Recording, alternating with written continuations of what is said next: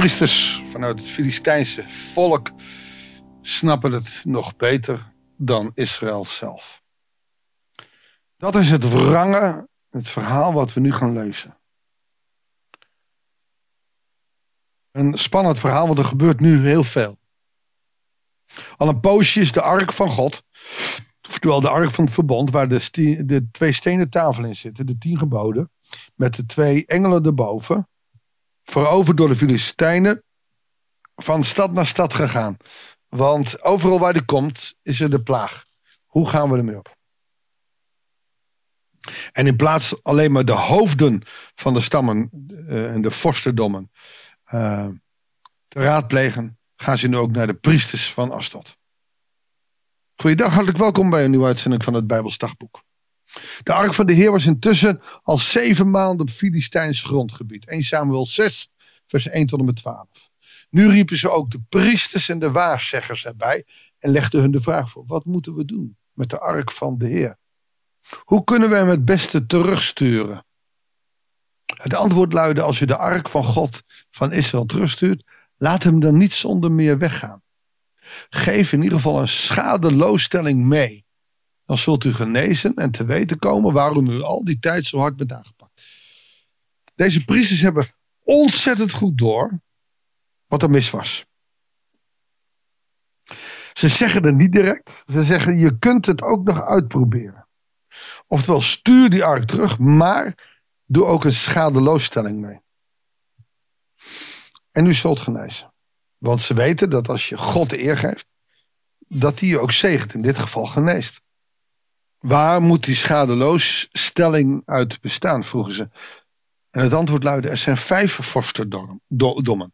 Dus vijf gebieden waar die uh, ark is geweest. Geef daarom vijf gouden gezwellen mee. Oftewel, een gezwel zoals die op je lichaam zit, van goud. En vijf gouden muizen. Ja, waarom dat helemaal? Die hebben een belangrijke rol, maar dan wel helemaal van goud. Uh, oftewel, je geeft ze goud. Alle vorstendommen hebben immers onder dezelfde plaag geleden. Ook de stadvorsten zelf. Maak beeldjes van uw gezwellen en van de muizen die uw land hebben getuigd. Ook klaarblijkelijk heb ik, dat heb ik even overgeslagen. Er is er ook een muizenplaag geweest. Om zo eer te bewijzen aan God van Israël. Oftewel, u heeft dat gedaan. Hier heeft het in goud terug. Dus ze snappen het beter dan Israël zelf. Hè? Je moet God eer geven. Dan zal hij je zegenen. Misschien laat hij u dan met rust. En ook uw goden en uw land. Waarom zou u zich hardnekkig verzetten? Hier komt theologie. Zoals Egypte en de farao hebben gedaan. Toen hij hard tegen hen opdracht moesten zij de Israëlieten toch ook laten gaan. En zij hadden tien plagen. We hebben het hier over twee. Doe het niet. Stuur dat ding terug. Zorg dat je God niet verder draait. Je mag je eigen afgoden houden, maar zorg dat deze God teruggaat naar Israël. Dat wat Israël zou moeten bewerkstelligen, om zou moeten bidden, doen de Filistijnen. God gebruikt de Filistijnen om het juiste te doen. God gebruikt vijanden om het juiste te doen. Dit moet er gebeuren. Zorg voor een nieuwe wagen en twee zogende koeien die nog nooit een juk hebben gevoeld. Bam, ook hier weer. Israël moest ook altijd uh, als je iets gaf aan God, dan moest het het eerstgeborene zijn en het moest perfect zijn. Mocht geen gebrekken zijn. Nou, dat is hier ook. Twee zogende koeien die nog nooit een juk hebben gevonden. Van de koeien voor de wagen halen hun kalveren bij hun weg en breng ze naar de stal. Dit zijn dus gezonde koeien. Zet de ark van de Heer op de wagen met daarnaast een kistje met de gouden voorwerpen die u ter genoegdoening meegeeft. En laat de wagen zijn eigen weg gaan. Hier komt het er weer op aan. Gaat het goed of niet goed? Oftewel, zal God het leiden of niet? Als hij voor uw ogen de grens overrijdt richting Bethsemes, dan betekent dat de God van Israël deze ramp over ons voltrokken heeft. Uh, aardig is Bethsemes. Ik kon het niet helemaal thuis plaatsen, maar dat is om en nabij het gebied waar het volk uh, ook na 40 jaren uh, bij Jericho als het ware overstak over de Jordaan. Als ik het goed heb, ligt het daar in de buurt. Dat is ook nog niet eens zo ver van Jeruzalem af. Daar laten ze vanuit het huidige Jordanië, zeg maar. Moabitische volk, maar ook het Filipijnse volk, laten ze uh, die koeien binnenlopen, zodat ze zien van hé, hey, wat doet. Als die koeien niet verder gaan, houd het op. Als ze wel verder gaan, dan zal er, uh, dan zal er een teken zijn. Bet Semes is het huis. Beet, is huis. Semes is zon. Huis van de zon.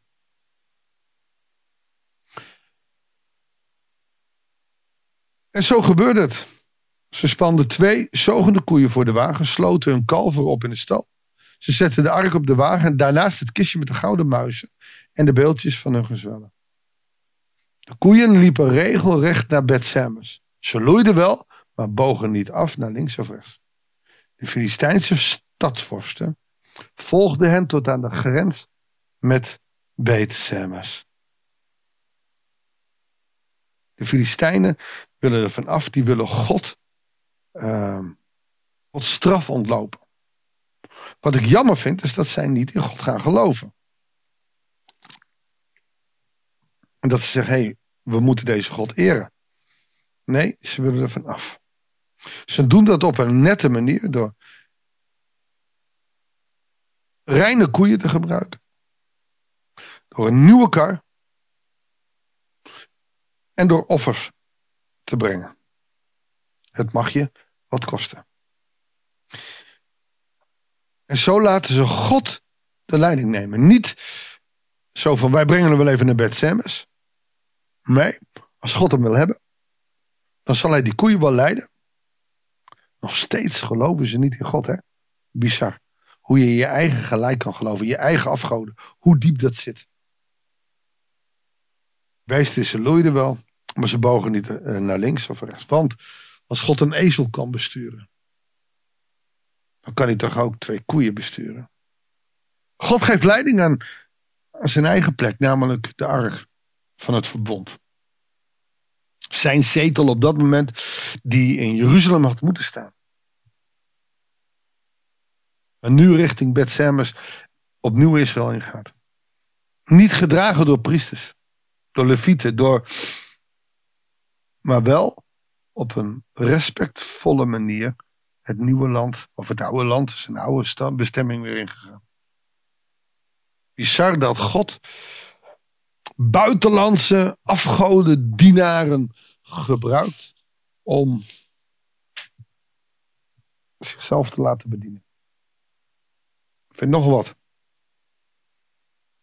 Maar het is wel goed dat, dat hij het doet. Zo betekent dus dat wij God niet hoeven te verdedigen. Als wij God niet voor ons karretje hoeven te spannen, hoeven we hem niet te verdedigen, we hoeven alleen maar van hem te getuigen. We hoeven de ark niet te redden, dat weten we ook, want als die wegglijdt, weet je, God zorgt er zelf voor. We moeten hem dienen. We moeten hem eren en vrezen. En dat gebeurt niet meer in deze wereld. Steeds minder. En dan zie je ook de grote vervallenheid, de grote ellende die we op dit moment in de wereld hebben. Zullen we voor de wereld bidden? Vader in de hemel, u bent een liefdevol en trouwe God. U bent belangrijk God. U laat niet met u sollen. En dat is wat de wereld wel doet. U solt met u. Die doet maar wat met u. Niet over de mensen die in u geloven, maar over de hele wereld. Waar oorlog is, geweld is. Zelfs in uw eigen land Israël is er geen vrede. In de Oekraïne is er geen vrede. Er zijn aanslagen in Jemen, geen vrede. En God, en er is al zoveel strijd. We noemen nu drie plekken op, maar op zoveel plekken is er oorlog en geen vrede. Omdat ze u als Messias niet kennen, niet erkennen of niet herkennen.